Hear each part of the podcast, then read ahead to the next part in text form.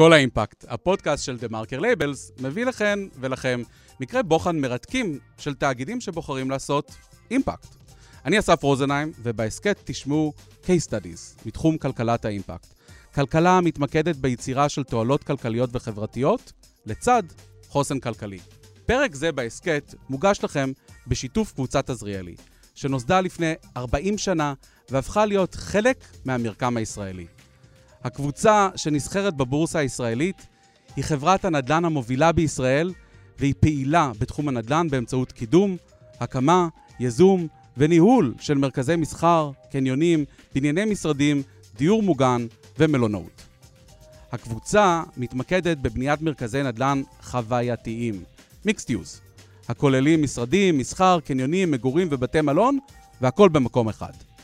בשנים האחרונות הקניונים, ובמידה מסוימת גם מגדלי המשרדים, קיבלו תפקיד חברתי שעד לאחרונה היה קשור בעיקר לכיכרות העיר. כיכרות העיר חשובות לאספות קהילתיות, השתתפות באירועים ופעילות ציבורית וחיבור של הציבור למנהיגים המקומיים. העלייה בפופולריות של מרכזי הקניות ושל הפרברים בכלל שינתה את התפקיד של כיכרות העיר והרחוב המרכזי העירוני. כדי שהתפקיד הקהילתי החשוב של כיכר העיר לא ייעלם, מרכזי מסחר יכולים וצריכים לקחת על עצמם את התפקיד שמילאו בעבר הכיכרות. חלק מהתפקידים שקניונים ומגדלי משרדים יכולים למלא כדי להשפיע בצורה חיובית על הקהילה המקומית, הם יצירת מקום מפגש ואספה רשמיים ולא רשמיים, עבור מקומיים ומבקרים. אירוח אירועי תרבות ואומנות, לדוגמה, יוצרים תחושת קהילה ומספקים פלטפורמה לאמנים ולמבצעים מקומיים להציג את הכישרונות שלהם. בנוסף לחנויות ועסקים, בעלים של מרכזים מסחריים יכולים לעודד שכירות של דיירים שמספקים שירותים ציבוריים, כמו ספריות, מרפאות, משרדי ממשלה, גני ילדים ובתי ספר. השילוב הזה יוצר מרכז נוח ונגיש, שבו אנשים יכולים למלא צרכים מרובים במקום אחד. לבסוף, הפעילות במרכזים המסחריים יכולה לבטא צרכים חברתיים, כמו פעילות הקשורה לאקטיביזם חברתי ותרומה לקהילה. כאן, כדי להכיר לנו את הפעילות של עזריאלי בתחום החברתי, עופר ירום. עופר הוא סמנכ"ל שיווק ודיגיטל של הקבוצה. שלום עופר. שלום אסף, כיף להיות פה. לפני שנצלול לנדל"ן, ספר לנו עליך עופר. איך הגעת לתפקיד הייחודי הזה? אני הגעתי אליו דרך uh, תחום האסטרטגיה והשיווק, ונכנסתי לתפקיד ראשון בקבוצה בתחום הקניונים. משם uh, עברתי לתפקיד uh, באי-קומרס, בחברת בת של הקבוצה, בעזריאליקום, הייתי המנכ"ל של עזריאליקום. ובעצם התפקיד שאני עושה היום uh, הוא תפקיד במטה הקבוצה, בהנהלת החברה, של סמנכ"ל שיווק ודיגיטל. אז לקחתי את כל הידע שצברתי בדרך, וכך הגעתי לתפקיד הנוכחי. אני שמח שבתוך התפקיד הזה יש את כל ההיבט של בעצם יצירת האימפקט החיובי החוצה של קבוצת עזריאלי, שעושה הרבה מאוד uh, עבודה בתחום האחריות התאגידית פנימה, ואחד הרצונות שלנו ואחד הדברים שאנחנו uh, עושים היום uh, יותר מבעבר, זה בעצם uh, הוצאת הדבר הזה החוצה כדי לייצר אימפקט וכדי לסחוף אחרינו uh, ציבורים גדולים ככל הניתן. מעולה, אז אה, במילים אחרות, אם אפשר לסכם את זה, אתה בעצם אה, לוקח את האחריות שלכם ופועל כדי להשתמש במותג שלכם, שהוא מותג מאוד חזק בישראל, כדי להשפיע על החברה כולה, גם בתוך הבניינים שלכם, אבל גם מחוץ לזה. ותכף נדבר על זה, אבל לפני זה רק מילה. מעבר להשפעה של מבנים על הסביבה, שמוערכת בכ-40% מטביעת הרגל הפחמנית הגלובלית, למבנים יש פוטנציאל השפעה חיובית על החברה. כמה אנשים מבקרים במבנים של עזריאלי בכל הארץ בכל שנה? אה, בשנים הקודמות אה, ביקרו אה, במרכזים שלנו, ואני מדבר כמובן על שנים רגילות, לא שנות קורונה, כ-60 מיליון מבקרים מדי שנה. השנה, לפי הקצב, אנחנו רואים, רואים שאנחנו נהיה במספרים גדולים יותר. אז יש לכם השפעה ענקית עליהם. עכשיו, מבחינת ההשפעה שלכם על החברה והסביבה, יש לכם יתרון אדיר בכך שהרבה מהמבנים שאתם יוזמים ובונים הם בעלי עירוב שימושים. עצם הבחירה הזאת במיקסט יוז היא ידידותית לסביבה ולחברה הרבה יותר מאשר נדל"ן מופרד, שימושים נפרדים. אתה יכול להסביר את זה? כן, יש לזה הסבר שהוא, uh, כשמסבירים אותו, הוא פתאום, פתאום נשמע טריוויאלי, אבל כנראה פחות חושבים עליו ביום-יום. אז קודם כל, בהיבטים סביבתיים, uh, התפיסה היום אומרת שתבנה איפה שבונים ותניח לטבע איפה שטבע. ואנחנו, אם מסתכלים על המרכזים שלנו, באמת כמעט תמיד יושבים במרכזי ערים, באזורים שבהם האוכלוסייה גם ככה עובדת, חיה ומתקיימת. אה, וכבר בזה יש משהו יותר סביבתי מאשר אה, לצאת ולבנות אה, דווקא במקומות שבהם יש פחות בנייה ובעצם הטבע שולט בהם. אז רצוי להשאיר מקומות שבהם יש טבע ולהתמקד במקומות שבהם מתרכזים בני האדם. ובהקשרים של מולטי-יוז, מולטי-יוז הוא בסוף תפיסה שבעצם לוקחת מספר שימושים ומכניסה אותם למרכז נדל"ני אחד.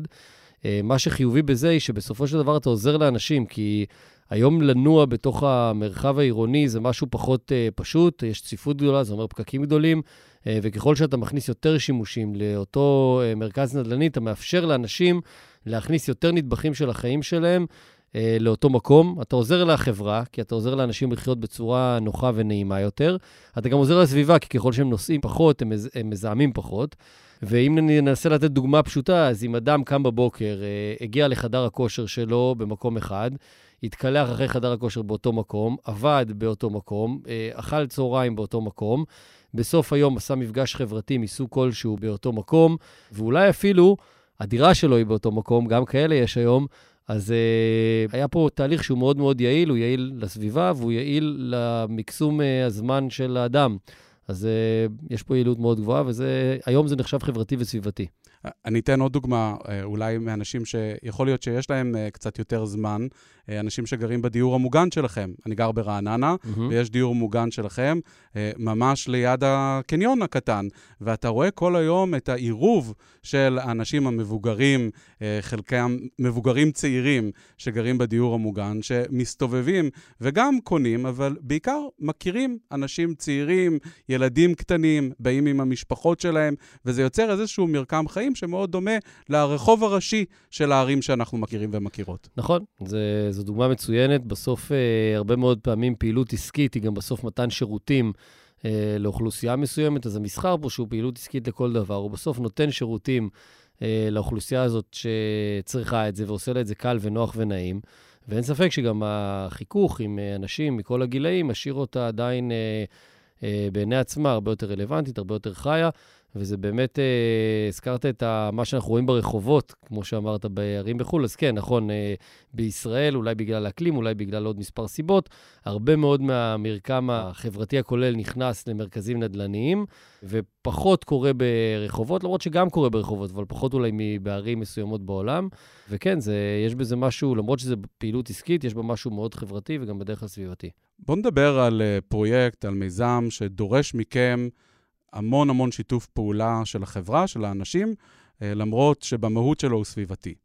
אחד מיעדי החברה עד 2025 הוא שכל נכסי עזריאלי יהיו חלק מפרויקט סביבה, הכולל הפרדת פלסטיק, חומר אורגני, אריזות, קרטונים ופסולת אלקטרונית. אתם פוגשים כל יום מאות אלפי אנשים במרכזים שלכם. איך אתם מנהלים את המאמץ הזה? Uh, כן, אז uh, באמת פרויקט uh, מאוד יפה עם יעדים מאוד שאפת, שאפתניים עד 2025, uh, הפחתה של 50% מההשפעה שאנחנו שולחים להטמנה, ואנחנו הולכים לעמוד ביעד הזה, ובעצם העבודה מתחילה מול הדיירים שלנו, השוכרים שלנו, הלקוחות שלנו, כי הם, הם חלק משמעותי. מאלה שמנהלים את, ה, את ההשפעה, ואנחנו uh, היינו צריכים לצאת במהלך גדול של הסברה, uh, מתן כלים והשקעת תשומות בכל הסיפור הזה כדי שזה יוכל לקרות, וניהול השפעה נכון יותר. Uh, אז זה לא רק אנחנו בסוף, כי דיירים הם בסוף אלה ששולטים בזה, אז אנחנו היזמים, הדיירים שלנו הם המבצעים, ואנחנו נותנים להם גם את הכלים לעשות את זה. כמובן, גם מול הלקוחות קצה, שהם המאות אלפ, אלפים שהזכרת, שנכנסים אלינו למרכזים, שגם להם צריך לייצר את האפשרות לחלק את ההשפעה שלהם בצורה נכונה יותר, ולא לזרוק את הכל בזרם השפעה אחד, אלא לחלק לזרמי השפעה. בכך בעצם להקטין את ההשפעה שהולכת להטמנה, להגדיל את ההשפעה שנעשה בשימוש למטרות אה, אחרות, וחזרה בעצם למעגל העסקי, לייצר מנגנון שהוא הרבה יותר אה, סביבתי. אז את, אתה מדבר על uh, שלושת ה-R'ים שאנחנו uh, מדברים עליהם בתחום של אחריות תאגידית ובתחום של קיימות, uh, רידוס, reuse ו-recycle. אז אתם עוזרים ללקוחות שלכם אה, ולמשתמשי הקצה לצמצם את הפסולת שלהם, אחר כך עוזרים להם למחזר את זה, אה, וגם כן להשתמש בזה מחדש במקומות שאפשר. דיברת על כל מיני בעלי עניין, גם הדיירים שלכם שהם לקוחות, גם משתמשי הקצה, דיברנו קצת על קהילה ואפילו הטבע. אז אני רוצה לשאול, האם השינויים החיוביים שעשיתם בתחומים של אחריות תאגידית זה משהו שהגיע מבפנים, כמו הוועד המנהל או העובדים, או שזה מבחוץ, לחץ של הלקוחות, המשקיעים, הרגולטור. חלק מהחברות שאנחנו מראיינים בסדרת הפודקאסטים האלה הן פרטיות. אתם חברה ציבורית שנסחרת בישראל. יש לכך משקל בהחלטה שלכם לקדם מדיניות ESG? אז uh, אני חושב שבהחלטה הראשונית uh, לא. Uh, אם מסתכלים על קבוצת עזריאלי אחורה הרבה מאוד שנים, אפשר לראות שהאחריות התאגידית, הרצון לתרום לקהילה ולסביבה, קיים שם מההתחלה, חזון החברה הוא בונים את ישראל, שומרים על הסביבה, וזו לא סתם אמירה, זו אמירה שליוותה את החברה באמת הרבה מאוד שנים אחורה, ולכן הרבה מאוד מהמבנים, גם מהישנים יותר שלנו, הם בעלי תקינה. אבל מעבר לזה, אה, אפשר לראות שגם הפעילות הפילנטרופית אה, דרך קרן עזריאלי היא משהו שהוא כבר יש לו אה, רקורד היסטורי מאוד מאוד גדול, והרבה מאוד מהכספים של החברה הולכים לשם. ככה שהסתכלות על החברה ונתינה חזרה לקהילה הייתה תמיד בקבוצת עזריאלי. זה לא, לא קשור למשמעויות העסקיות, הכלכליות, היותה חברה ציבורית, כל ההיבטים האלה. אה, הם בהחלט משמעותיים והם בהחלט נכנסו לשיקולים בשנים האחרונות, אבל, אבל זה משהו שהלך איתנו הרבה שנים אחורה והיה קיים שם כמעט מאז ומתמיד.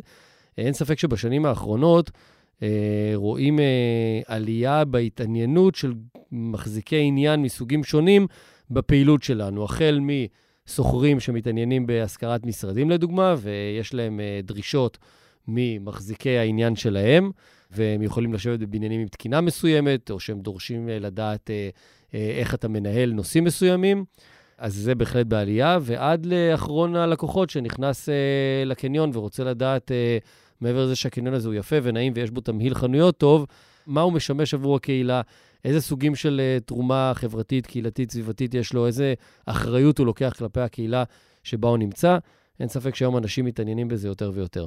כן, הדור הצעיר, הדורות היותר צעירים, באמת אה, מוכנים לעשות מאמץ גדול ואפילו להוציא יותר כסף כדי לתמוך במותגים, בחנויות, בתאגידים שיש להם אחריות סביבתית. אז כשאתה קניון, אז אתה בעצם, אה, או שטח מסחרי, אתה צובע את כל החנויות שנמצאות שם, את כל העסקים שם, ועוזר לכולם בעצם לעשות את ההתקדמות הזאת.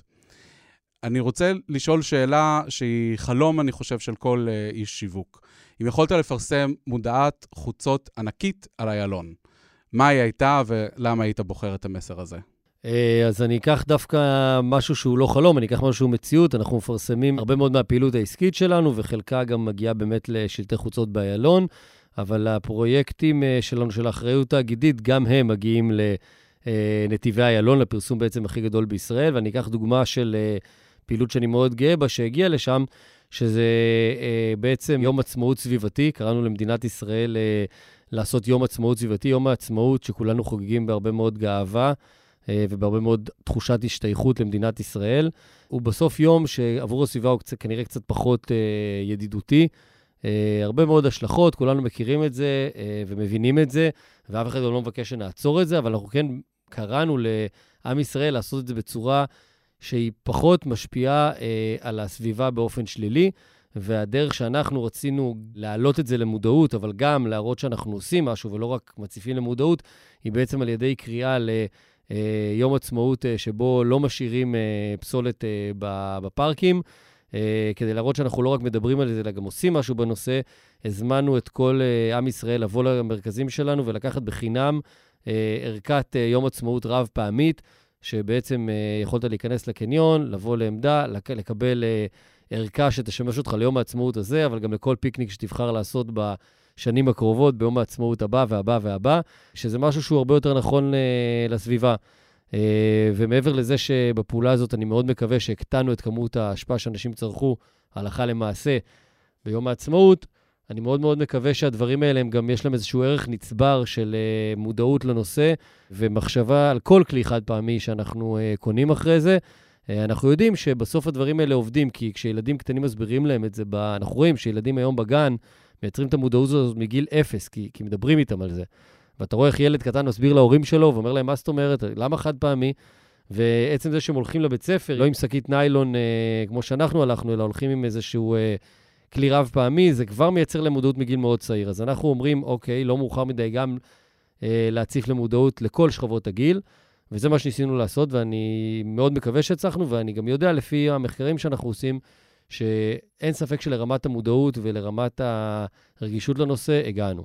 אז מבחינה עסקית, אני יכול להבין למה אתם, כבעלי הנכסים, מוכנים להשקיע זמן וכסף ופרסום בצמצום, לדוגמה, של אה, הפסולת או במחזור של חלק מהפסולת בתוך הקניונים שלכם.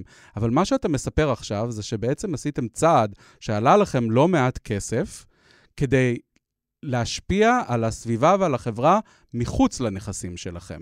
זה נכון, ואנחנו עשינו את זה, זו לא הייתה הפעם הראשונה, אנחנו עשינו את זה כבר מספר פעמים.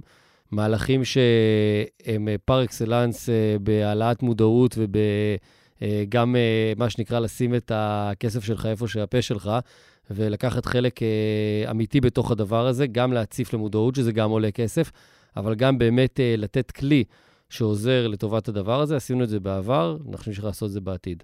יש מעט מאוד מותגים שמוכנים לעשות כאלה דברים, ובאמת רואים מזה כמה הנושא של האחריות כלפי החברה והסביבה נמצאת ב-DNA של החברה. שאגב, למרות שהיא נסחרת בבורסה, המקור שלה הוא בעצם חברה משפחתית, נכון? כן, המקור הוא חברה משפחתית, היום היא ציבורית. הערכים אה, הם אה, מגיעים משם ומתפתחים משם והולכים איתנו שנים. וכן, נכון, אני חושב שהרבה מאוד מזה זה ההבנה שעם ה... עם הגודל והמשמעות של קבוצת ישראלי עבור מדינת ישראל, בא גם המחויבות שלנו לעשות דברים כאלה, ואנחנו עושים את זה בשמחה. עופר, איזה פרויקט הובלת שאתה רוצה שתמיד יזכרו? משהו שאתה מאוד גאה בו. ואם קשה לך לבחור, אתה יכול גם שניים. אוקיי, okay, אז אני אבחר, אני אתחיל באחד שהוא דווקא לא מהפרויקטים שהיו על איילון, נקרא לזה, אה, אבל הוא פרויקט פשוט מתמשך, שהתחלנו איתו ואני מקווה שאף פעם לא נפסיק איתו, אה, של אה, עמדות מחזור שאנחנו פרסנו במרכזים הכי משמעותיים שלנו, עמדות שניתן למחזר בהן הנעלה, הלבשה. ופסולת אלקטרונית. כולנו מכירים את זה מהיום-יום, יש לך דברים בבית שאתה רוצה אתה לא רוצה לזרוק אותם, אתה מבין שחבל לזרוק אותם, כי אפשר או להשתמש בהם או להפוך אותם למשהו אחר, אבל העמדה שהגופים אה, שאחראים על זה שמו, הם בקצה השני של העיר. אתה פשוט אף פעם לא מגיע לשם, בטח בימים שכל אה, צעד, אה, כל נסיעה מחוץ למסלול שאתה צריך היא כרוכה בהרבה מאוד זמן. אנחנו הבנו שקניון הוא משהו שאנשים, קניון או מרכזים עסקיים שלנו, זה משהו שאנשים מגיעים אליו על הדרך, ושאם אנחנו נשים שם מכליות מחזור כאלה, זה יעשה את זה לאנשים פשוט קל יותר.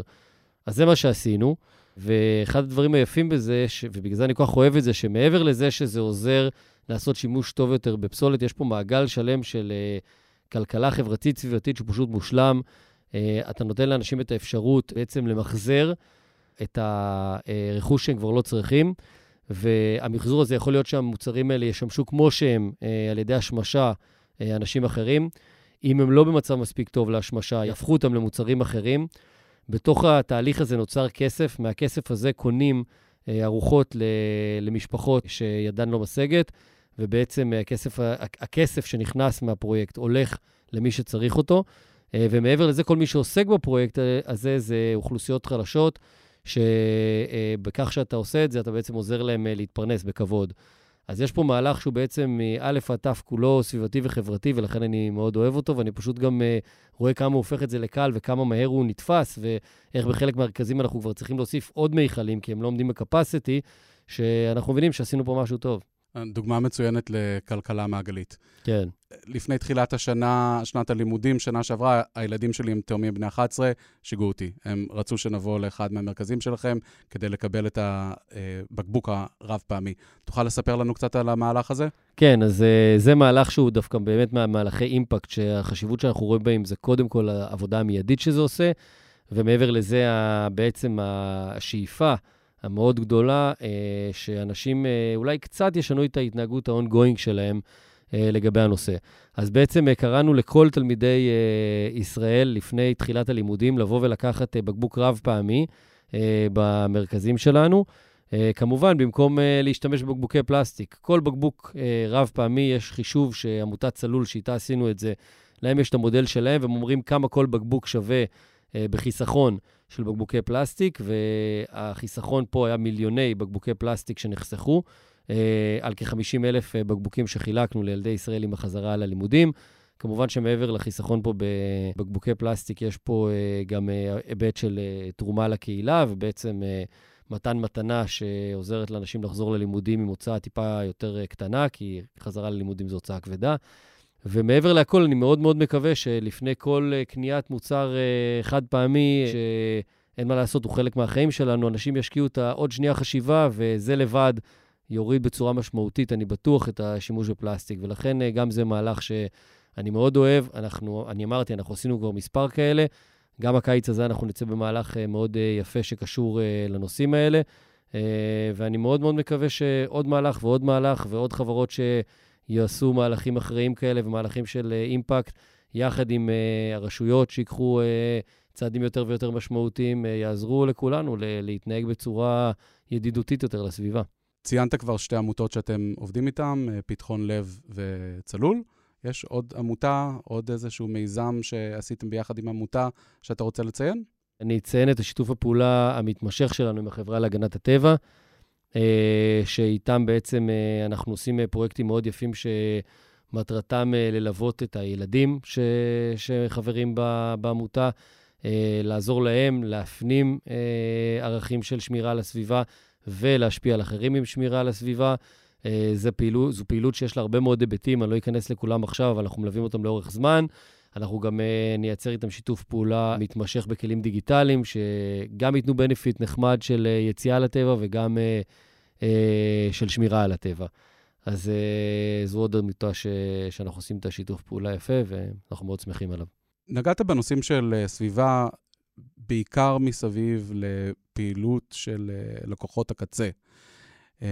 שלי, שלך, של אנשים כמונו.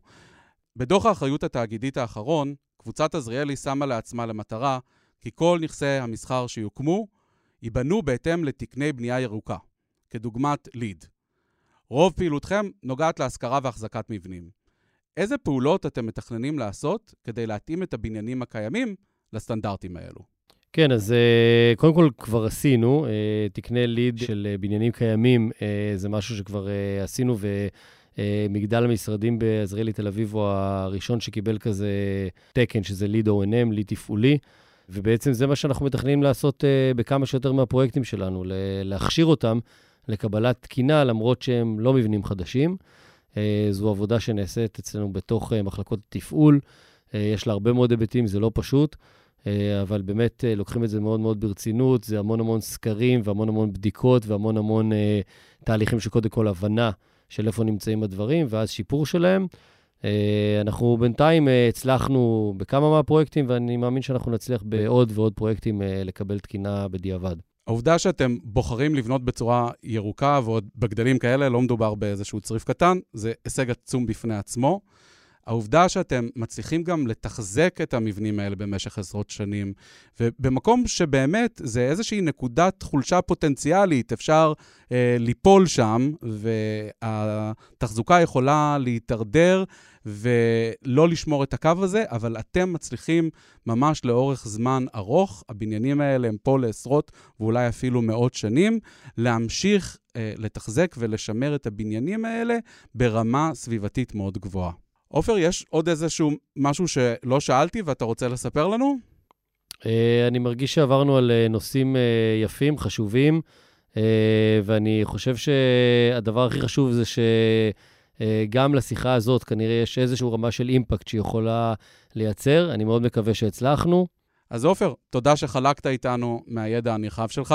אני בטוח שכל מי ששמע את ההסכת יסתכל בצורה אחרת לגמרי על נדל"ן.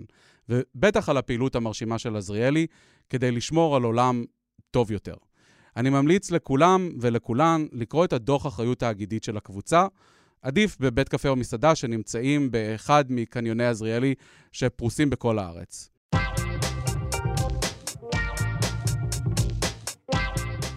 עד כאן להפעם קול האימפקט, הפודקאסט של דה מרקר לייבלס, והפעם בשיתוף קבוצת עזריאלי. אתן ואתם מוזמנים לכתוב לנו ולאורחים שלנו שאלות ב Spotify או Apple Podcast, וגם לספר לנו איזה עוד case studies תרצו שנארח בתוכנית. תודה למפיקות שלנו, אורטל שפיר ועדי וקנין, לעורך דן ברומר, לקרן בלומנטל על התחקיר, אביב רוזנמן מישראל אימפקט על שימוש במונחי מילון האימפקט, ושירלי קנטור, מומחית לשיווק חברתי. תודה לכן ולכם שבחרתם לשמוע כל האימפקט, ואני מקווה שגם לעשות אימפקט. ותודה לך, עופר. תודה לך, אסף, נעים לי מאוד.